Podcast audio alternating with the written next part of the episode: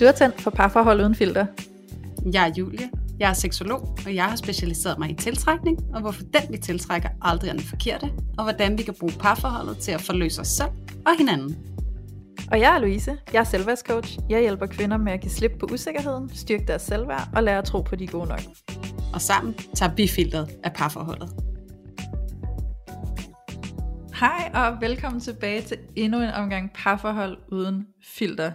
I dag der skal vi snakke lidt om børn og karriere, fordi at vi er jo i en tid, hvor at det her med at gøre karriere, det har et langt større fokus, end det havde i godsøjen gamle dage. Og øh, derfor så er det for både Julia og jeg et stort spørgsmål, det her med børn eller karriere. Hvad skal i fokus? Hvad skal prioriteres? Hvad skal før, først? Og hvad skal bagefter? Og skal der overhovedet børn? Eller skal vi overhovedet fokusere på karrieren? Hvad skal der ske? Og derfor så tænker vi, at øh, det er helt sikkert og uden tvivl også er noget, der rører sig ude hos jer. Fordi vi har faktisk allerede fået fra en lytter, der har skrevet til os ind på Instagram, netop på det her emne. Så nu synes vi, at det skal have lidt fokus, at vi kan tale lidt ind i, hvad gør vi egentlig, når vi står der og skal vælge, hvornår hvad skal komme ind i livet, hvad skal vi fokusere på, og hvad nu hvis vi står som partner i vores parforhold og faktisk vil noget forskelligt? Hvad hvis vi ikke er klar til det samme på det samme tidspunkt? Hvad gør vi så? Så øh, det kommer vi til at dykke ned i i dag og åbne op for at øh, udforske, hvordan skal vi forholde os i det. Og øh, så er det jo faktisk sådan, at dagens afsnit det er sponsoreret af BookBeat, som er en lydbogstjeneste, hvor du kan gå ind og lytte til en hel masse spændende lydbøger. Og det er sådan, at i samarbejde med BookBeat, så har vi fået lov til at give jer 6 ugers gratis brug af appen. Og det er altså lige en måned mere, end hvad du kan få, hvis du bare kommer ud fra uden en rabatkode. Så øh, det her, det er altså helt special VIP for jer, at når I går ind på bookbeat.dk og signer jer op og bruger vores rabatkode, der hedder parforhold, så får jeg altså 6 ugers gratis brug af BookBeat. Og øh, jeg kan bare sige, skynd jer og give jer i kast. Jeg har allerede selv været inde og oprette mig og lytter til de her lydbøger, der ligger derinde, og det er bare mega fedt. Der er så meget sprødt at få øh, ny viden til hjernen, hvis det er sådan en type, du er, eller så kan det være, at du er sådan en, der skal ind og høre krimier, true crime, måske er du sådan en, der skal ind og høre romantiske, øh, hvad hedder det? Det hedder vel... Noveller noveller. Mm-hmm. Jeg sidder og leder efter et andet ord. Romaner. Romaner, det var det, jeg ledte efter. Mm. Yes, så der er altså et kæmpe udvalg af fagbøger, af selvhjælpsbøger, af romaner, af krimier, whatever you name it. Så bare gå ind og hygge jer og brug jeres sommerferie på at lytte til en masse fede lydbøger. Mm. Øhm, I har 6 ugers gratis lytning med vores rabatkode, der hedder parforhold. Og ellers så ligger der også et link inde i vores Instagram bio, du bare kan trykke på, så går den direkte ind til sign up med de 6 ugers gratis brug af appen. Så øh, rigtig god fornøjelse med bookbeat.dk. Og Julie, nu skal yeah. vi jo snakke lidt om at tage nogle store valg i livet, og børn og karriere, og hvordan får de, vi flettet det sammen. Øhm, mm. Så jeg tænker, at jeg kunne godt være lidt nysgerrig på at starte ud med at høre dig. Sådan, hvad rører sig hos dig, og, og hvordan står du lige i det her tema lige nu? Jamen, øh, jeg synes da, at øh, jeg har et eller andet, der minder om lidt en, øh, en blomstrende karriere. Altså, jeg vil sådan stille og roligt at etablere mig og finde ud af, hvad sker der nu, særligt fordi jeg lige jo er blevet færdig med min kandidatgrad. Mm-hmm. Øh, så nu skal der til at ske ting business-wise, øh, og så er jeg jo faktisk så privilegeret, at jeg har et barn. Ja. så på den måde, så kan man sige, at jeg tænker, at man som udgangspunkt, når jeg siger sådan, kunne sidde og tænke, Nå, så skal du ikke tage det valg, men øh, det skal jeg jo så alligevel, ikke? Mm. Øhm, fordi det forholder sig jo sådan for mig, at jeg jo faktisk ikke er sammen med faren til min søn. Ja. Men jeg har en ny kæreste, og så ny er han jo heller ikke. Øh, vi mm-hmm. har været sammen i snart tre år. Øhm, så på den måde, så, så kommer spørgsmålet jo på en eller anden måde lidt op igen. Ja. Fordi min søde kæreste, han har ikke nogen børn. Og, øh, og det føler jeg jo øh, i et eller andet omfang, at vi er nødt til at forholde os lidt til. Vil du have børn? Og hvad med mig selv? Vil jeg have barn? Og nu har jeg en dreng, der snart bliver 6 år, og gider jeg til at starte forfra og have et helt lille barn, og ligesom forlænge hele perioden med småbørn. Også fordi jeg netop ved, hvor meget energi og overskud, det ligesom kræver at have børn, og hvor meget, at jeg skal tage den energi og det overskud fra noget andet eventuelt, ikke? Ja. Øh, tilsvarende, så skal jeg også skynde mig at sige, at børn jo også kan give utrolig meget energi og overskud. Øhm, så det er jo hele tiden sådan en vekselvirkning mellem tid og energi og ressourcer og lyst og drømme og ønsker. Så, ja. øhm, så, så den, den står vi da helt sikkert også i. Altså, der er jo, øh, jeg kan jo ikke have de der enormt lange arbejdsdage, særligt ikke øh, fordi, at, øh, at jeg jo har min søn i et eller andet omfang selv, fordi at, at hans far ikke er her. Øhm, så det betyder jo, at, øh, at jeg skal være øh, indstillet på at skulle øh, med til gymnastik i går for eksempel, eller mm. hen og besøge en SFO i tirsdags, og så på en lejeaftale og sådan noget. Ikke? Og det er jo tid, som man måske tager fra en eventuel business, men man er sådan en, der gerne vil arbejde rigtig meget. Ja, præcis. Øhm, så der er jo virkelig nogle overvejelser, og så er der jo også hele den her udefra kommende bølge af øh, det her med, at kvinder også skal være business women, og mænd skal sætte sig lidt ind i, øh, i kvinderollen, måske hvis man kan sige det på den måde, ikke? ligesom at, at bare mm. tage måske en større del af ansvaret i forhold til børn. Øhm, og det er der jo også rigtig, rigtig mange mænd, der gør, hvilket jeg jo synes er rigtig, rigtig fin udvikling, fordi at det gør lidt, at begge parter er mere frie til at gøre og være dem, de har lyst til at være, og gøre det, de har lyst til at gøre. Ja. Øh, men I må væk, så er det et sindssygt svært spørgsmål, det der med, hvad skal jeg vælge?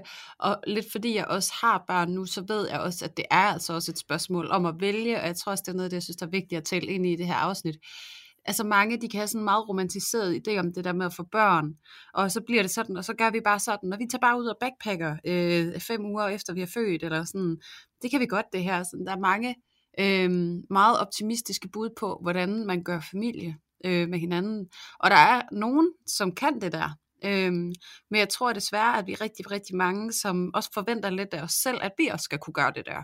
Og ja. vi skal kunne det hele, og og jeg tror bare for rigtig mange vedkommende, så kan det bare lede til utrolig meget øh, pres og stress og urealistiske forventninger til en selv, og dybest set i sidste ende rigtig meget selvkritik, fordi man måske ikke synes, man formår at leve op til alt det der, man føler, man skulle kunne. Ja.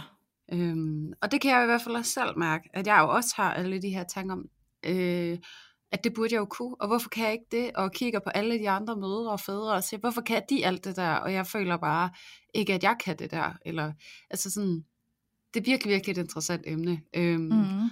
Og jeg kunne rigtig godt tænke mig at høre særligt dig, Louise, fordi du har jo ikke nogen børn. Nej. Og du har jo virkelig, fra mit perspektiv, en god business i gang og op og køre, og, og, sådan, og hele børnespørgsmålet, det må jo, altså, Øh, det kan jo være, at det slet ikke er aktuelt for dig, for det ser vi også mere og mere af, at det er det for nogen, men hvordan er det for dig? Hvordan forholder I jer til det med børn og karriere? Det har i hvert fald været noget, der har rørt sig sindssygt meget for os i løbet af det sidste halvandet år, tror jeg. Øh, der har det nærmest været sådan en ongoing uh, topic mellem os, hvor vi virkelig bare har snakket sindssygt meget om, hvad, hvad skal vi med det der med børn? altså skal der børn mm. ind i livet? Skal der ikke børn ind i livet?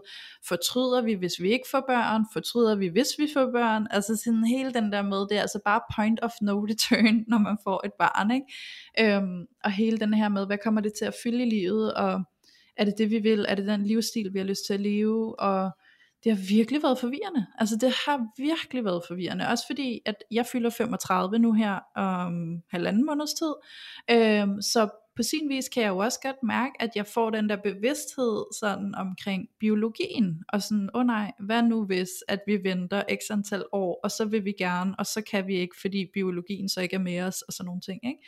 Øhm, mm. Så der er bare så meget, øh, sådan kan man sige, stress og pres i de der tanker, fordi jeg føler lidt, der sådan, øh, kan man sige, at der står sådan et øh, timeglas og kigger på mig, og sådan, make a decision, og jeg er sådan, I'm not ready to make a decision, og så er det bare sådan en kamp mod det der skide timeglas, der står der og blinker til mig, øhm, så det har vi virkelig snakket frem og tilbage om, og jeg tror i virkeligheden, at det der fylder rigtig meget, det er, at mig og min kæreste, vi sådan har kigget på hinanden og været sådan, prøv her, hvis vi var 25, og vi snilt kunne vente fem år med fuldstændig ro i maven omkring biologien, så havde vi gjort det.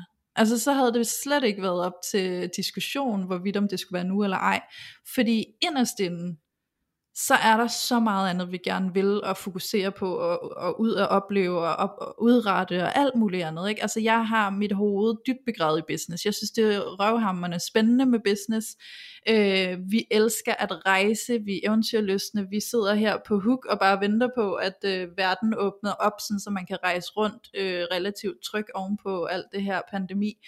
Øh, så, så på sin vis, så kan vi jo godt sidde med følelsen af, at bringe et barn ind, det vil lidt være at sætte en stopper for alt det, vores hjerte banker for at komme ud i verden og gøre. Ikke? Øhm, mm.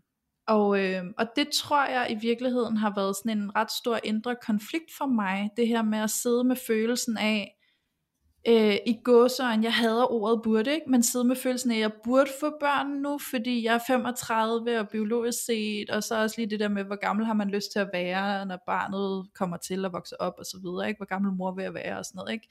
Mm. Øh, altså, og, og så den der følelse af, men helt inderst kan jeg bare godt mærke, det ikke er lige nu. Lige nu er der så meget andet, jeg synes er øh, i fokus for mig. Ikke? Øh, så jeg er om sider landet i en beslutning, der hedder, not right now. Men jeg er også landet i en beslutning, der hedder, jeg vil gerne være mor på et tidspunkt. Og det krævede faktisk rigtig meget af mig at komme dertil, fordi jeg har faktisk aldrig rigtig været ramt af den der følelse af at være skruk. Øhm, så det der med sådan virkelig at have det der begær for at blive mor, og virkelig have den der sådan romantiserede oplevelse omkring det at stifte familie og sådan noget, den har jeg ikke rigtig haft men jeg har haft mange sådan blandede tanker omkring det der med, sådan, bliver man ensom, hvis man ikke får børn, og når ja, det skal jo heller ikke kun være derfor, man gør det, og sådan. Så der, der har ligesom været en proces for mig i at sådan komme ind i det der med at mærke, at jeg godt vil være mor, og så lige pludselig, øhm, da jeg sidder, det er faktisk, øh, da jeg sidder i toget på vej hjem fra Aarhus over fra dig, Julie, hvor vi havde fejret din kandidat, mm-hmm. øh, der bliver jeg ramt af sådan en varm kernefølelse af, jeg vil gerne opleve at være mor i det her liv. Men jeg ved også, at det ikke skal være lige nu, men jeg vil det gerne. Og det var sådan meget sårbart det øjeblik for mig, og jeg blev sådan enormt rørt, mens jeg sad der, og fik en lille smule sådan tår i øjnene, og så tænkte jeg, det, det vil jeg godt lige fortælle min kæreste, så jeg skrev det til ham i en besked, og jeg kan tydeligt huske, at jeg lige skrev det, og så lå jeg værd med at sende den. Jeg sad sådan og kiggede på den i et stykke tid, fordi det var så sårbart for mig at skrive det til ham. Øhm, men så gjorde jeg det, så sendte jeg det til ham, og der stod bare, jeg vil gerne være mor.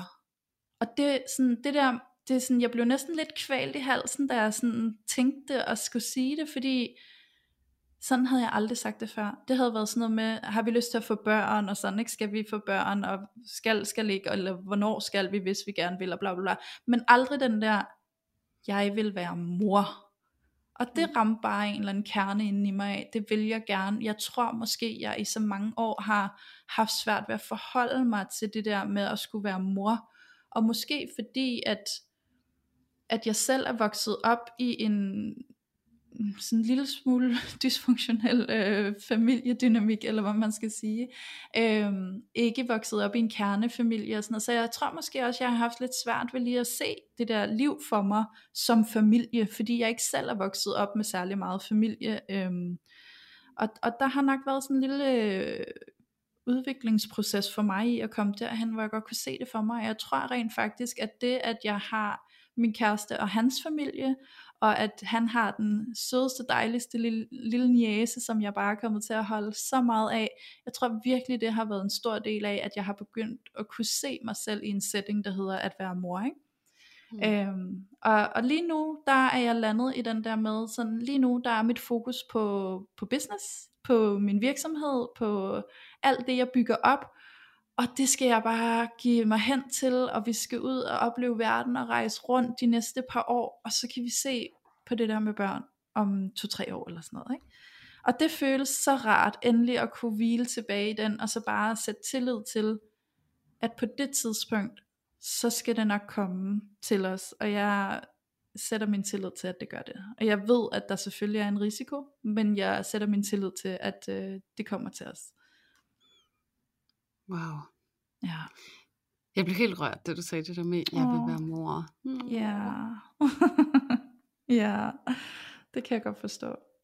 Det er også specielt at være nogens mor. Det kan jeg godt forestille mig. Ja. Men det er også, øh, Altså jeg tror også, det er noget der, hvor jeg har de der tanker omkring, sådan, om det skal være eller ikke skal være. Altså sådan, det er fandme et stort ansvar.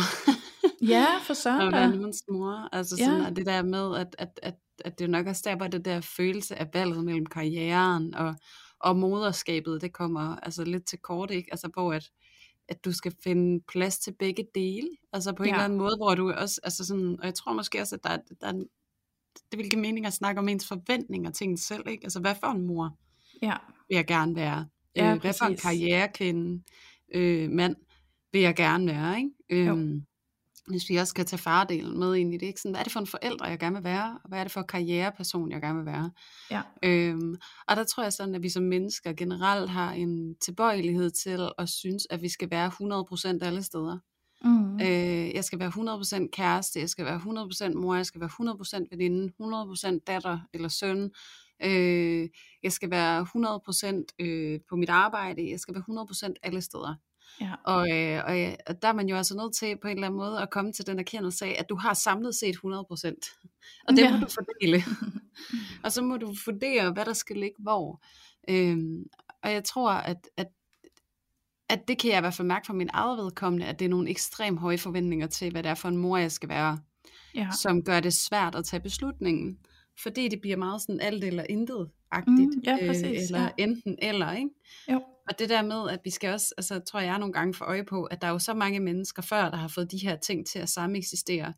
Øhm, og selvom at man måske selv har den der dårlige reference til, at, at, at det ikke kan være der begge dele, så kan det jo også være noget, man skal kigge på i forhold til ens egen bagage. Mm. Øhm, apropos bagage, vi snakkede om i sidste uge, ikke? Altså jeg har jo øh, min mor, som var enlig med tre børn, øhm, det meste af mit liv, og hun arbejdede sindssygt meget. Altså hun ville gerne være karrierekvinde, og så øh, det der med mor, det tror jeg ikke rigtig, hun havde tænkt så meget over. Altså det var meget sådan, jamen det bliver man jo bare, når man har Ja. barn, så er man jo mor. Ja, Øhm, og så sker det sådan lidt af sig selv. Øhm, og igen, jeg tror ikke, der har været sådan de mange bevidste tanker og overvejelser omkring det. Altså der, og det er også lidt en anden tid, skal man huske. Børn, de skulle måske ses lidt mere, end de skulle høres. Øhm, og, og det var der jo ikke noget ondt i. Altså det var jo øh, sådan forældreskabet så ud dengang i øh, 90'erne.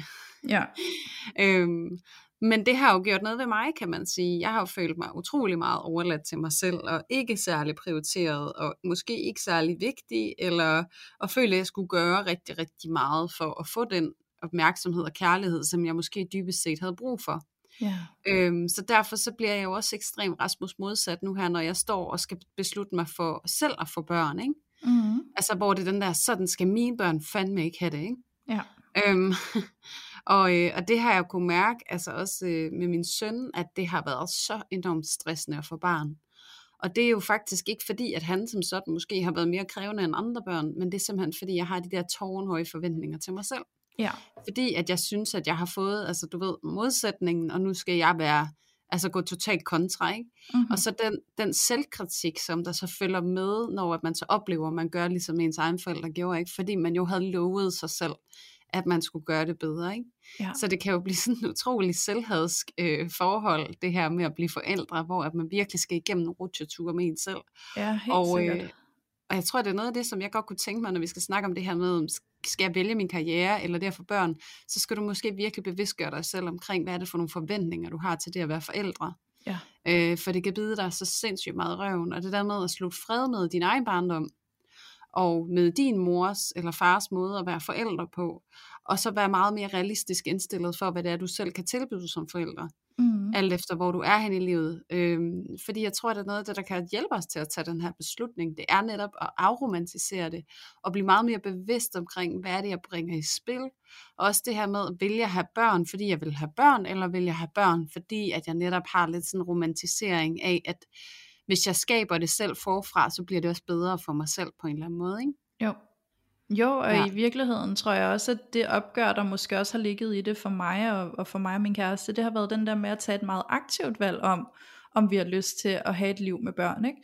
Fordi Ja. at jeg mærker sådan, at øh, dengang jeg voksede op, og i min ungdom og sådan noget, der var det meget bare en selvfølge, at der ligesom var sådan en rytme, der hed, nu går du i skole, så får du en uddannelse, så får du et job, så får du børn. Øhm, og, og, og hvor det blev sådan en selvfølgelighed, at på et tidspunkt, så skal du til at have børn.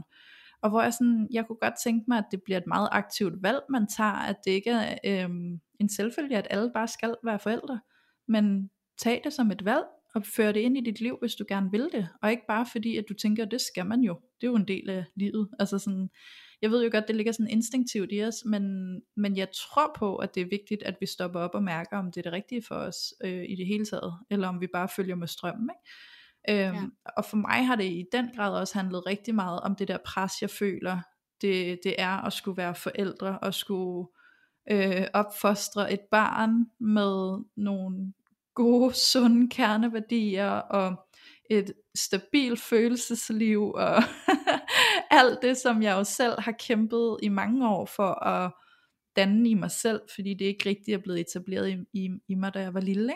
Ikke? Øhm, mm. Så det er jo 100% også med den der afspejling i min egen barndom, der måske har været ret kaotisk øh, følelsesmæssigt for mig, og så have det der ekstreme fokus på, shit mand, det er en stor, massiv opgave at skulle opfostre et barn, og hjælpe det med at følelsesregulere, og alle mulige ting, og sådan alle de der missteps, som jeg kan være bange for at begå, og hvad så, og hvilke traumer får jeg installeret i mit barn, og, mm. øhm, og, og særligt for mig og min kæreste har det også været et meget stort fokus, der handlede om, øh, når der kommer børn, så ryger frihed og spontanitet, ikke? Og frihed og mm. spontanitet har været sådan ret store, øh, eller det er nogle ret store værdier for os. Og samtidig så er det jo den der med sådan, når man kan man have børn og være familie, og stadig være sådan i frihed og spontanitet, måske til dels, og sådan, men det ser bare lidt anderledes ud. Og der tror jeg lidt, at jeg er sådan, lidt ligesom du siger, Julie, med, at, at folk siger sådan, Nå, men I kan jo stadig bare tage på backpacking, bare med en lille unge på ryggen og sådan noget, ikke? Altså, hvor jeg også sådan, ja, i teorien, men jeg aner jo ikke, hvad min energi siger, når jeg er blevet mor, altså, og jeg ikke får min søvn, og jeg er totalt på hele tiden, og alt muligt andet, så jeg tror også, det er fordi, jeg er faktisk skide bange for, øh, at jeg bliver så udmattet og uoplagt, at jeg bliver sådan en, der lever en lidt doven tilværelse, hvor vi kun lige altså getting by, ikke? Altså, og ikke rigtig ja. orker at gøre noget, og vi orker ikke engang at tage på udflugt, eller så vi bliver sådan nogen, der bare parkerer vores børn foran fjernsynet, mens vi prøver at få en aftensmad i hus. Altså sådan, jeg er bange for, at det bliver sådan et liv, fordi det er virkelig, det er for mig mit største skrækscenarie, det er, at det bliver sådan et fastlåst liv, hvor jeg ikke føler energi til at være ude og leve, ikke? Øhm, ja.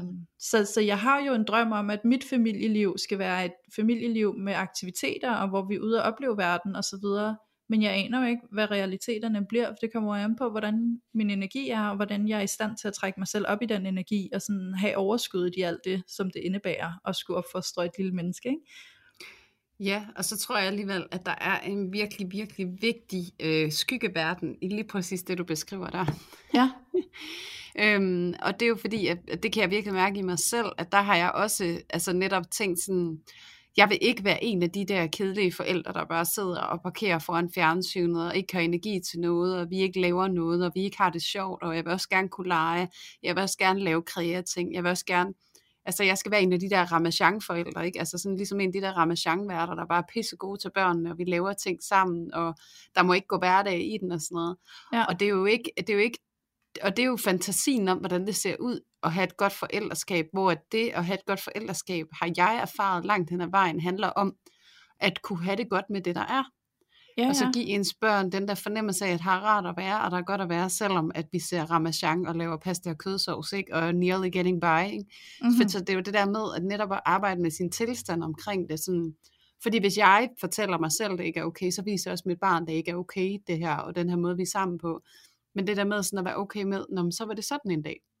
Ja. Altså, fordi det er det der med, der kommer den der, og det tror jeg er en af grundene til, at der er mange, der ser forældreskabet som den her kæmpe ting, vi skal overkomme.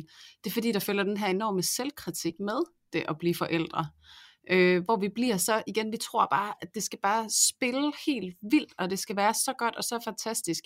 Øh, og vi skal kunne alle de her ting, fordi at, at, at for mit eget vedkommende, så havde jeg selv sådan en, lidt en opvækst, du ved, hvor man sad foran fjernsynet og tog aftensmaden med på værelset, og altså vi var ikke rigtig sammen. Øh, der var det ligesom de voksne tog på arbejde, og så var det det, der fyldte, og så skulle de ligesom lige hjem, og så Øh, så blev der lige bikset et eller andet sammen, og så gik man sådan mere eller mindre hver til sit, ikke? Altså, Mm. og, og det har jeg haft totalt meget modstand på. Jeg har haft så dårlig samvittighed. Og så har jeg også bare oplevet, jamen sådan dage har vi også. Altså sådan, Men det gør jo heller ikke noget at have sådan nogle dage. Det er mere bare sådan, Nej. det er ikke sådan en tilværelse, jeg vil have. Nej, Giver det mening? Altså det er sådan, jeg har ikke noget imod, at der er dage, hvor whatever, vi holder søndag på en onsdag. Altså det er fint Ja. nok.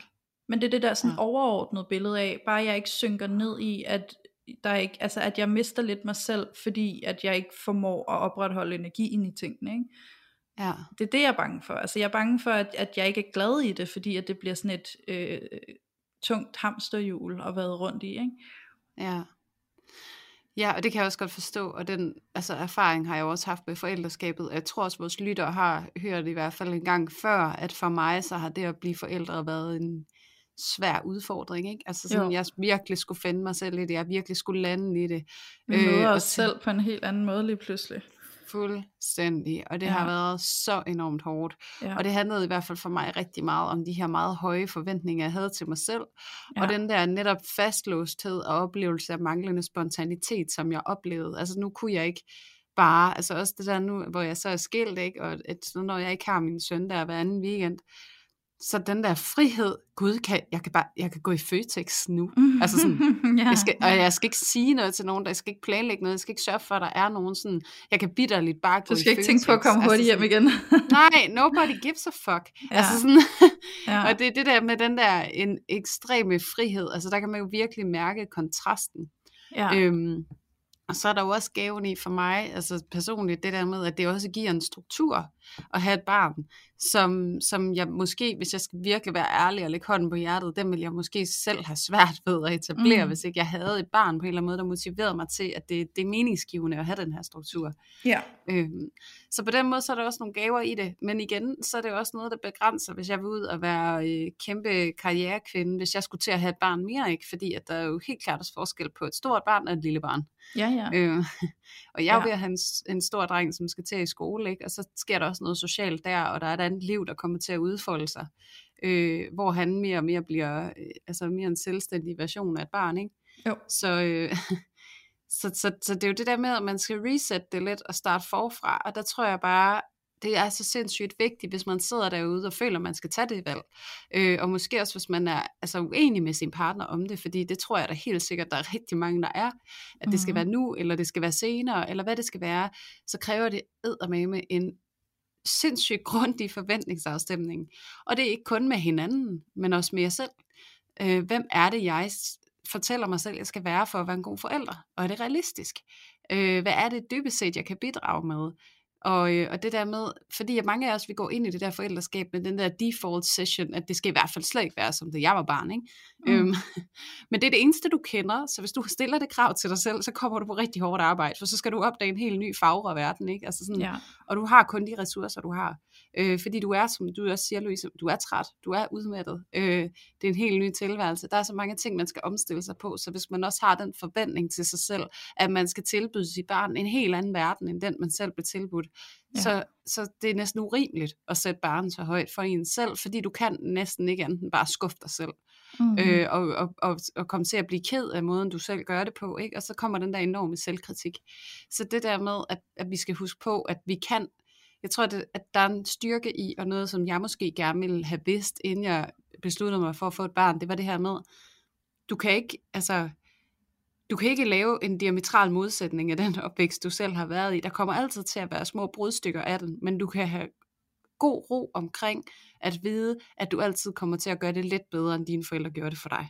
ja. Altså sådan, at det kommer vi til helt af os selv, at gøre det lidt bedre, tilbyde noget, der bare er lidt bedre. Så det der med at have en tillid til os selv, i stedet for en kritik til os selv, eller sådan en masse krav, som man skal leve op til. Ikke? For jeg tror egentlig, det er derfor mange også føler, at de står mellem valget. Mm. Fordi de sætter sig selv på sådan en urimelig opgave, at det skal være på den her måde, hvis vi skal gøre det. ikke. Ja. Og så, så, så bliver det sådan en kæmpe ulti- ultimatum, man lige pludselig står overfor. Ja, jeg tænker også, at man kan jo, hvis man har et ekstremt fokus på at skulle gøre øh, det modsatte af, hvad man selv oplevede, da man var lille, ikke? Øhm, Mm. at man kan komme til at overgøre alt det i bedste hensigt. Ikke? Altså at man måske tænker, nu vil jeg give mit barn en masse kærlighed og en masse nærvær, og så kan det være, at man måske overgør det så meget, at det måske heller ikke er hensigtsmæssigt. Ikke? Øhm, Ja, det, og det bliver sindssygt anstrengende, og det kan jeg sige om nogen. Altså, jeg har det tit sådan cursed by knowledge, ikke? Altså, jo. så nu sidder vi her, vi snakker om alle de her ting, og jeg ved alt det her om øh, en psykologisk udvikling hos mennesker og hos børn, ikke? Altså sådan, og det der med, at jeg bare kan se mig selv udefra og se sådan, I'm screwing you up right now. altså sådan, yeah. altså, og det der med, jeg ved for meget, ikke? Jeg tror også bare, det er det, og særligt til jer, som lytter med på den her podcast, og som synes, det her med selvudvikling er utrolig spændende, øh, virkelig være totalt medfølende over for jer selv, eller hvad man være enormt selvkritiske, fordi det, I kommer på sindssygt hårdt arbejde, hvis det er den ja. måde, I går ind i det på, og det igen, det har jeg jo virkelig selv gjort. Mm. Så det er bare øh, mine dyre lærepenge, jeg sidder og kaster ned over jer lige nu. Det ja. der med at være medfølende over for sig selv, og møde sig selv med mildhed, når man ikke føler, man slår til, og ja. det er med vigtigt. Ja. Ja, helt sikkert. Men jeg tænker, mm. Julia, at vi lige skal spore os lidt ind på det der med, hvad så hvis vi står i vores parforhold og, øhm, hvad kan man sige, ikke er klar til det samme på det samme tidspunkt, eller i det hele taget ikke er klar til det samme. Øhm, hvad så? så har man jo en kæmpe stor interessekonflikt. øhm, ja. men der vil jeg så vende tilbage til at sige, okay, jamen øh, vi siger, at mand vil gerne have børn, kvinde vil ikke have børn. Ikke? Mm. Øhm, også fordi jeg tror, det er noget, som på en eller anden måde, nu, det, altså der har lidt været den der med, at det er kvinden, der gerne vil have børn, og mand, der ikke vil have børn. Ikke? Ja. Øhm, men jeg tror faktisk, at der vil i, i højere grad komme den der bølge, at kvinder måske føler lidt, de skal vælge, så derfor så begynder de i højere grad at overveje, om de skulle vælge det fra. Ja. Øhm, altså du tænker fordi, til fordel for karriere. Ja, præcis. Ja. Også fordi, at det, det er jo ligesom det, det et paradigmeskifte, vi er i nu i forhold til den kvindelige rolle i familien og sådan noget. Ikke? Den er jo. under kæmpe omstrukturering. Så, så, så der er det jo, at vi skal have en meget alvorlig snak om, jamen hvad er det for forventninger, vi har til os selv som mm-hmm. forældre. Ja. Og hvad er det for nogle forventninger, vi har til hinanden? Mm. Fordi det er jo virkelig at lave en enorm forventningsafstemning, fordi nogle gange, så kan det også ændre lidt på vores indstilling til det. Altså vi kan st- komme til at stille os mere åbne over for hinanden, hvis vi er med til, altså hvis vi deler vores billeder af, hvordan det skal se ud med hinanden. Ja. Fordi at vi kan jo godt gå og tro, og især som kvinder, ikke, vi skal altid huske, og nu er jeg jo antropolog, så det, det hæfter mig jo gerne ved, hvad det er for en historie og kultur, vi kommer af, som ja. skaber udgangspunktet for vores forestillinger omkring verden, den måde, verden hænger sammen på der vil mange af os kvinder jo gå med en forestilling om, at det er os, der er den, ikke? Altså det er os, der er den, det er os, der smører madpakkerne, det er os, der vasker tøjet, det er os, der følger til og fra, det er os, der står for det ene og det andet, ikke? Og far, han er sådan en legefar, der sidder og venter lidt på, at den bliver gammel nok til at sparke til en bold, ikke? Ja. Øhm, og det er jo sådan et, øh, et, et øh, sociokulturelt billede, vi har af det at være forældre og de her forældreroller. Ja. Og jeg tror, at, at rigtig mange kvinder i dag, også med den påvirkning, vi har rent samfundsmæssigt med feminisme, øh, at der vil vi have sådan en følelse af, det gider jeg fandme ikke være med til.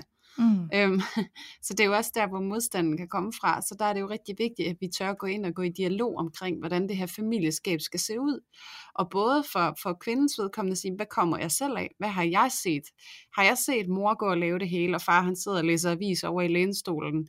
Eller øh, dreng siger, jamen øh, mor hun gik og lavede det hele, hun vaskede tøjet, og hun lavede mad, og hun handlede ind, og hun hentede, og hun gjorde ved jamen så ved vi faktisk, at der er en stor sandsynlighed for, at vi falder lige præcis i de roller i vores mm. forældreskab. Ja. Fordi at abe ser, abe gør. Vi reproducerer ja. det, vi selv kender, og det er både på godt og ondt. Så der kan vi jo have en forventningsafstemning om, okay, men det forældreskab vil jeg ikke tage del i. Ja. Okay, jamen så er det måske allerede nu, inden vi overhovedet er gravide, at vi skal prøve at snakke om, hvad er det for en ansvarsfordeling, vi kan lave i det her forældreskab, så når vi føler, at vi begge to kan være her. Ja. Øhm, og det er jo give and take, ikke? Og, men, men det er det, jeg tror, der skal ske, Louise, hvis man er uenig i det, virkelig at gå ind i en grundlæggende og dyb dialog omkring, hvor kommer vi fra? Hvad er vores default setting? Hvad er det, vi højst sandsynligt selv kommer til at bringe med ind i det her forældreskab? Og hvordan kan vi så imødekomme det, vi, det, vi gerne vil? Altså det, ja. vi ideologisk set gerne vil for os selv, som ikke er bare en reproduktion af det, vi kender, ikke? Jo, helt sikkert. Men det kan ja. jeg egentlig godt genkende, fordi det er faktisk sådan nogle snakke, mig og min kæreste har haft rigtig mange af, når vi har gået og snakket om det der med børn eller ikke børn, børn eller ikke børn, ikke? Øhm, ja. Der har vi virkelig gjort mange snakke, hvor vi har snakket lidt om, men hvordan ser livet med børn ud for os? Fordi at vi kom i kontakt med, som jeg nævnte før, at det vi i virkeligheden frygtede omkring det der liv med børn, det var, at det blev sådan en 8-4 øh, trummerum hamsterhjul, hvor at det bare er sådan noget cykler rundt i det samme hver evig eneste dag, og bare føler, at livsgnisten den slukker langsomt. Ikke? Øhm, Mm. altså, så det, det var jo det, vi havde brug for at få i tale sat, at det faktisk var det, der gjorde os sindssygt skræmte ved at få børn, fordi vi bare, det er jo det billede, vi har været vant til at se, og det er det, billede, det, det, det, det, er det billede, vi selv er vokset op med at se. Ikke? Øhm, så Ja. det var lidt det, vi forbandt med at få børn, så forbandt vi det med, jamen så bliver det jo sådan et hamsterhjul, vi ikke har lyst til at være i. Ikke? Øhm, og der handlede det meget om at gå og snakke lidt om, at man kan jo have børn på mange forskellige måder. Altså at man kan drive familie på mange forskellige måder. Ikke? Altså sådan Mm. også at, at opdage muligheden for at tage vores kerneværdier ind i det familieliv, vi godt vil stifte. Ikke? Fordi så var det som om, at det lettede lidt op, og det er sådan, wow, okay, nå, men det kan også se anderledes ud. Jamen, så kunne det måske være meget hyggeligt og sådan noget. Ikke? Altså, og så Mm. tror jeg, det hjælper os meget, at vi kan kigge på andre, hvor vi ser, at nogen øh, har familie på en måde, vi sådan læner os mere op af, ikke? og kan se sådan, nå, der er også andre, der gør det, det er faktisk muligt og sådan. Ikke? Øhm, Ja. Så, så jeg, jeg giver dig 100% ret, Julie. Det handler virkelig meget om at snakke om alle de der ting, og vi har også haft mange snakke, hvor især jeg har i tale sat det der med nogle af de frygt, jeg kan have forbundet med sådan egne traumer, og hvordan kommer det måske til stede i et familieliv, når man bliver forældre og sådan noget. Ikke?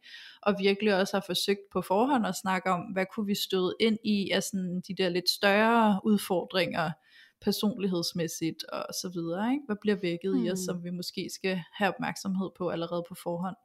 Øhm, velvidende er vi jo ikke, altså når først man går ind i sådan noget, så kan man jo snakke noget så meget i forvejen om, hvordan og hvorledes, men at man lidt må afvente og se, hvad, hvad rammer, når man først sidder i det, og så er det nok bare meget fint, man har skabt bevidsthed på forhånd. Ja, præcis. Og også det der med, at man har afklaret i rigtig høj grad, hvad er vores commitment til hinanden, ikke? Jo.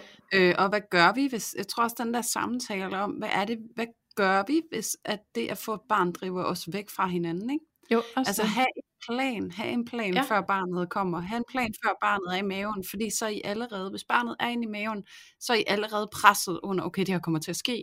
mm. Og så kommer der så meget frygt med ind i Ja, ja. samtalen, som Helt kan gøre det rigtig svært at have samtalen, ikke? Jo, Fordi altså vi er har, jo, vi har jo allerede på forhånd haft sådan nogle samtaler med sådan, okay, hvad hvis vi en dag står som forældre og går fra hinanden? Hvad er det så Ja. for et samarbejde, vi godt vil have om barnet, hvis vi ikke er sammen længere? Og det kan være enormt frygtfuldt og enormt sårbart overhovedet at åbne den samtale, for for mange så er det sådan noget, det har jeg slet ikke lyst til at tale om, fordi man frygter at skulle gå fra hinanden. Ikke?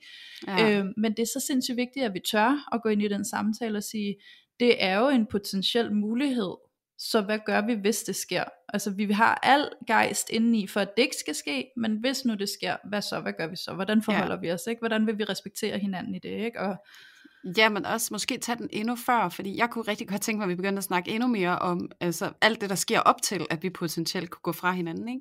Altså bare det her med, at en kvinde siger, jamen min krop er sådan her nu, ja. jeg kommer til at blive gravid. Øh, jeg ved ikke, hvordan jeg restituerer efter en graviditet. Det er utroligt individuelt, hvordan det Ja. ser ud, og nogen forandrer sig jo simpelthen så meget Ja. af at gå igennem en graviditet og føde et barn. Du Så det snakker der med- kropsligt nu, ikke?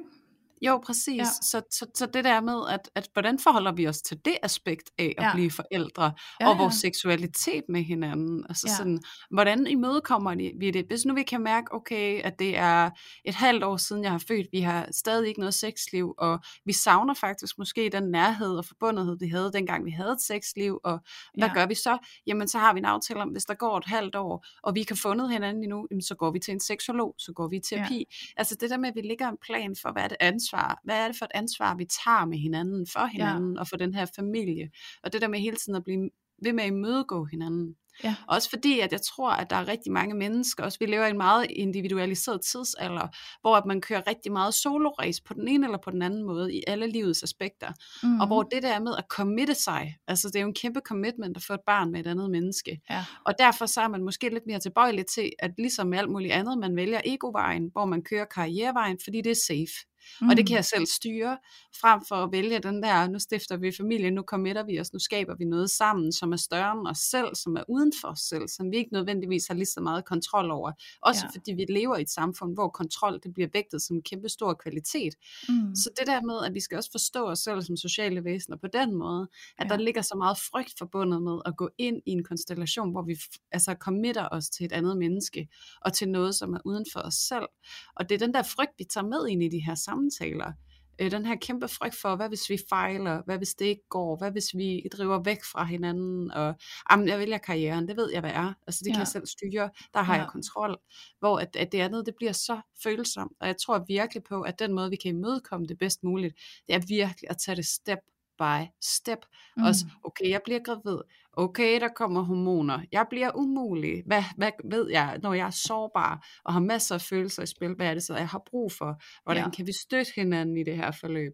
Og det er jo ikke sådan, at vi skal sidde og lave en plan og kontrollere alt. Nu sidder jeg selv og prøver at tale kontrol lidt ned. Ikke? Øhm, men altså, det der med, at vi bare prøver at have nogle løse samtaler omkring det, øh, og, og prøve at imødekomme hinanden ret tidligt i forløbet, det ja. tror jeg bare er en kæmpe gave, og det vil jeg ønske, at jeg selv havde gjort. Ja, og det tænker jeg, at Julie, lige præcis det her synes jeg er interessant, fordi igen, det kommer selvfølgelig også an på, hvem man er som menneske, altså hvad for en type er du? Er du en, der godt kan lide at sådan være meget selvbevidst, ikke? og have noget selvindsigt og snakke om det, bla bla bla. Men det kommer selvfølgelig også an på, hvor man er hen i livet, og man kan sige, at dengang du var gravid, der var du ret ung, Øh, mm. Jeg er altså næsten 35, og jeg har jo nærmest ikke nogen veninder tilbage i mit liv, der ikke er blevet mødre. Ikke? Så jeg har jo også stået som tilskuer til det et hav af gange, og har fået sindssygt meget indsigt kontra hvad jeg havde dengang jeg var 2-23. Ikke? Øhm, mm. så jeg vil sige, det giver mig jo også et forspring i at kunne tale ind i, jeg ved godt, hvad det er, der nogenlunde kommer til at ske for de fleste. Hvordan vil jeg forholde mig til det? Og så kunne sætte mig ned og snakke med min kæreste om, hvordan skal vi forholde os til det, fordi vi kommer sandsynligvis nok 100% til at have nogle reaktioner på det, der sker. Ikke? Øhm, og kunne tale ind i de frygte, vi har på forhånd, fordi jeg har da snakket med min kæreste om, at jeg er skide bange for, at, at du ikke forstår, hvad det vil sige at være derhjemme som mor, mens du er på arbejde med et lille spædbarn, og der roder alle vejen, og der er ikke blevet taget opvask, og så kommer du hjem og tænker, ej okay, helt ærligt, hvorfor har du ikke ordnet det lidt herhjemme? Har ligner jo et bumpet lokum, ikke? Øhm, hvor at, at det har jeg fortalt ham. Jeg er bange for, hvis du bliver sur på mig over, at der ikke er rengjort, når du kommer hjem, fordi du måske ikke forstår, hvor stort et arbejde det er at have en lille baby, ikke? øh, mm. alene, mens man er derhjemme alene. Og, øh, og, og det har været fint at kunne tage det op, og han ligesom har kunne sige, nej, men det skal jeg selvfølgelig nok forstå, og så hjælpes vi ad, eller eller at han måske har sagt sådan, jamen jeg forventer da sådan her og sådan her, og så har jeg kunne sige, ej helt ærligt, det kan du bare ikke forvente, eller sådan, altså så har vi snakket om det på den måde, ikke, altså, så, så ligesom at tage nogle af de der ting på forhånd, også både for at åbne lidt op for bevidstheden, men måske også for at mildne nogle af de der sådan, konflikter på forhånd, sådan så vi nærmest har haft dem, inden de sker, eller sådan, jeg ved ikke, hvordan man skal forklare det, men det synes jeg i hvert fald har givet mig en anden ro, at vi har kunnet snakke ind i det, og man tør at åbne op om, hvad man er bange for. Også især det der med sådan, hvis man som kvinde er bange for, hvad sker der med min krop, og hvad hvis min mand ikke kan tænde på mig, når jeg har siddet armet, og mine bryster ser helt anderledes ud, end de gjorde før, eller hvad hvis jeg har strækmærker hele vejen hen over maven, hvad vil han så sige, eller hvad hvis jeg aldrig taber mig efter graviditeten, og alle de der forandringer, som jo også er et spørgsmål om, at man står som kvinde, og lige pludselig er i et andet hylster, end man har identificeret sig med før, og lige pludselig skal forstå, nu det er sådan her, min krop fungerer, ikke? Øhm, og skulle finde sig til rette i det, og være skide bange for, hvad, hvordan påvirker det mit eget sex drive, og hvordan påvirker det min mands tiltrækning af mig, og så også ture og tale ind i det, selvom at det er sårbart. Mm. Ja. Ja, præcis. Og så tror jeg også, at det der med, at hvis vi skal tage den der beslutning med karriere, eller børn, eller noget andet, eller børn, ikke? altså sådan, jeg, øh, jeg vil ønske, at vi i langt mindre grad kiggede ind i hele den der Instagram Hollywood øh, oh, ja. af, hvordan det er at have et lille barn. Øh, der er selvfølgelig også modsætningerne. Der er også dem, der prøver faktisk at give et realistisk billede af, hvordan det er at have et lille barn men altså prøve at, at sætte os ind i det på sådan en realistisk måde, hvis man kan sige det sådan, så vi i højere grad ved, hvad vi går ind til, fordi jeg tror også, det der fravalg også kan handle om nogle gange, den der lidt uvidenhed, eller den der uro omkring, hvad er det egentlig, jeg siger ja til, hvis jeg siger ja til det her, ikke? Øhm, og hvis vi bare skal give en lille anbefaling, nu vi er ved det, så øh, har vi jo den der gode rabatkode til jer ved BookBeat, hvor ja. I, øh, I kan få 6 måneders gratis brug af, 6 af det. Og, Seks uger, sorry. Nu skal jeg ikke sidde og, og sige noget, der ikke passer. Seks lange uger, okay. Men på de ja. seks lange uger, der kan I jo faktisk nå og så høre i hvert fald to bøger af Kana Budensjøen, som har skrevet 40 uger efter og 40 uger før, tror jeg faktisk, den hedder. Ja. Og det er jo faktisk om det her forløb op til, altså mens du er gravid, og så er det faktisk de næste 40 uger efter du har født, ikke? Altså, jo og hvor det er sådan helt lavpraktisk, og hun er jo jordmor, ikke? og også hendes egne oplevelser af det at få et lille barn, og møde med virkeligheden, og, og det man havde forestillet sig. Sådan. Og det er jo de der beretninger, som virkelig kan være guld værd, når vi skal sætte os ind i, hvad det er, vi vælger til for os selv, og i vores parforhold. Ja. Og når vi skal prøve at danne os det her billede af, hvordan kan det harmonere med den karriere, jeg måske drømmer om. Ja. Øhm, så prøv at sætte jer ind i det, få nogle realistiske perspektiver på det, ja. øh, og så virkelig mærke efter. Og jeg tror også, altså, især hvis man også har sådan en erfaring eller oplevelse, som du har haft, Louise, det der med, at jeg vil gerne være mor. Ja. Altså sådan, okay, jamen lyt til det, og så ja. finde ud af, hvad der skal til, ligesom alt muligt andet. Øhm, det kan også være, at jeg vil gerne have et dykkercertifikat. Okay, men så begynder du også at finde ud af at sætte dig ind i, hvad skal der til, og hvordan ser det ud, og sådan noget. Og jeg ja. tror egentlig, det er det, vi skal lave den der enorme forventningsafstemning med os selv. Mm. Øh, og kigge ind i vores egen barndom, vores egen opvækst. Øh, hvad er det for nogle forventninger, vi har? Fordi at det er jo en kæmpe kliché, at det, sådan, det skal i hvert fald ikke være som det, jeg var barn, eller jeg skal i hvert fald ikke være ligesom min mor, jeg skal i hvert fald ikke være ligesom min far. Okay, men sandsynligheden for, at du bliver mere eller mindre ligesom dem, den er altså nærmest uundgåelig kæmpe høj stor. Øh, det er sådan cirka det, der kommer til at ske. Men du kan også nærmest, altså uden at overhovedet skulle tænke ret meget over det, så bliver du også altid bedre, end de var. Ja. Men du kommer til at minde meget om det. Så det der med ikke at sætte det der kæmpe krav til, jeg skal være en helt anden udgave af et menneske, end det, jeg har spejlet mig i i hele min opvækst. Ja. Øhm, det er et urimeligt krav at stille til sig selv, og jeg tror at desværre, det er derfor rigtig mange af os, vi føler, det er et valg, fordi vi godt kan se, at det bliver med et hårdt fuldtidsarbejde at få et barn, hvis jeg skal være hele den her persona, som jeg bilder mig ind, jeg skal være for at være en god forælder. Men jeg har lyst til at udfordre det lidt, Julie, fordi når du siger det der med, at vi næsten kan regne med, at vi uundgåeligt kommer til at være ligesom vores egen mor, bare en lille smule bedre, så får jeg mm. lyst til at, at, at sige, øh, at det tror jeg ikke 100% på. Fordi jeg tror altså også, det er et spørgsmål om, hvor meget udvikling vi har haft med os selv, før vi overhovedet bliver forældre.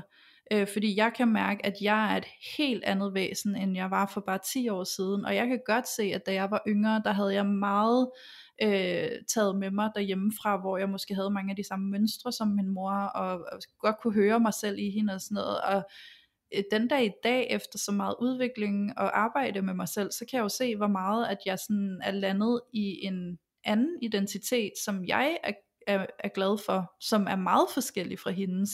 Så jeg, jeg tror, at jeg står sådan i et udgangspunkt, hvor der er ret godt potentiale til ikke at, at bare falde ind i alt det, jeg ikke brød mig om, som, som jeg selv voksede op med. Det er der også, og man kan sige, du er jo også, altså det er også noget med alder og livserfaring og viden ja. og viden om ens selv og ens måde at reagere på. Men det er bare det der, altså, mm, vi bliver altid bedre end vores egne forældre. Ja. Men vi kommer altid til at have dem med i vores bagage. Og jeg tror måske, det er den mest rigtige måde at sige det på. Ja. Og det er jo tit, når vi står i Føtex og har haft en lang dag, og ja. barnet klager om et eller andet. Og ja. så er det den måde, vi responderer på lige i det splitsekund, i det øjeblik, den reaktion, vi får, når vi bliver reaktive, og det bliver vi, når vi får børn, ja. så vil det minde utrolig meget om vores forældre. Ja. Og så kan vi komme tilbage til os selv bagefter, og så er vi nogen, der har lært for eksempel at rydde op, når at vi har været reaktive over for et andet menneske. Og så er det der, hvor vi forankre det nye for vores barn. Øh, og det kan også være, at vi arbejder så meget med os selv, at reaktionen er jo slet ikke lige så voldsom, mm. som den ville have været, hvis det var vores egen forældre, Måske der er vi der. bedre stand til at tælle til 10, når vi bliver presset, ikke? Det kan det også være, men altså nu også bare, hvis vi kører egen erfaring, ikke? Altså jeg er da også tit kommet til at råbe eller noget, og det gjorde min mor også. Eller være irriteret, eller være kold, eller være lukket, eller et eller andet, og det gjorde mm. min mor også. Ja. Forskellen på min mor og jeg, den ligger primært i, at jeg tager ansvar for, at jeg gør det.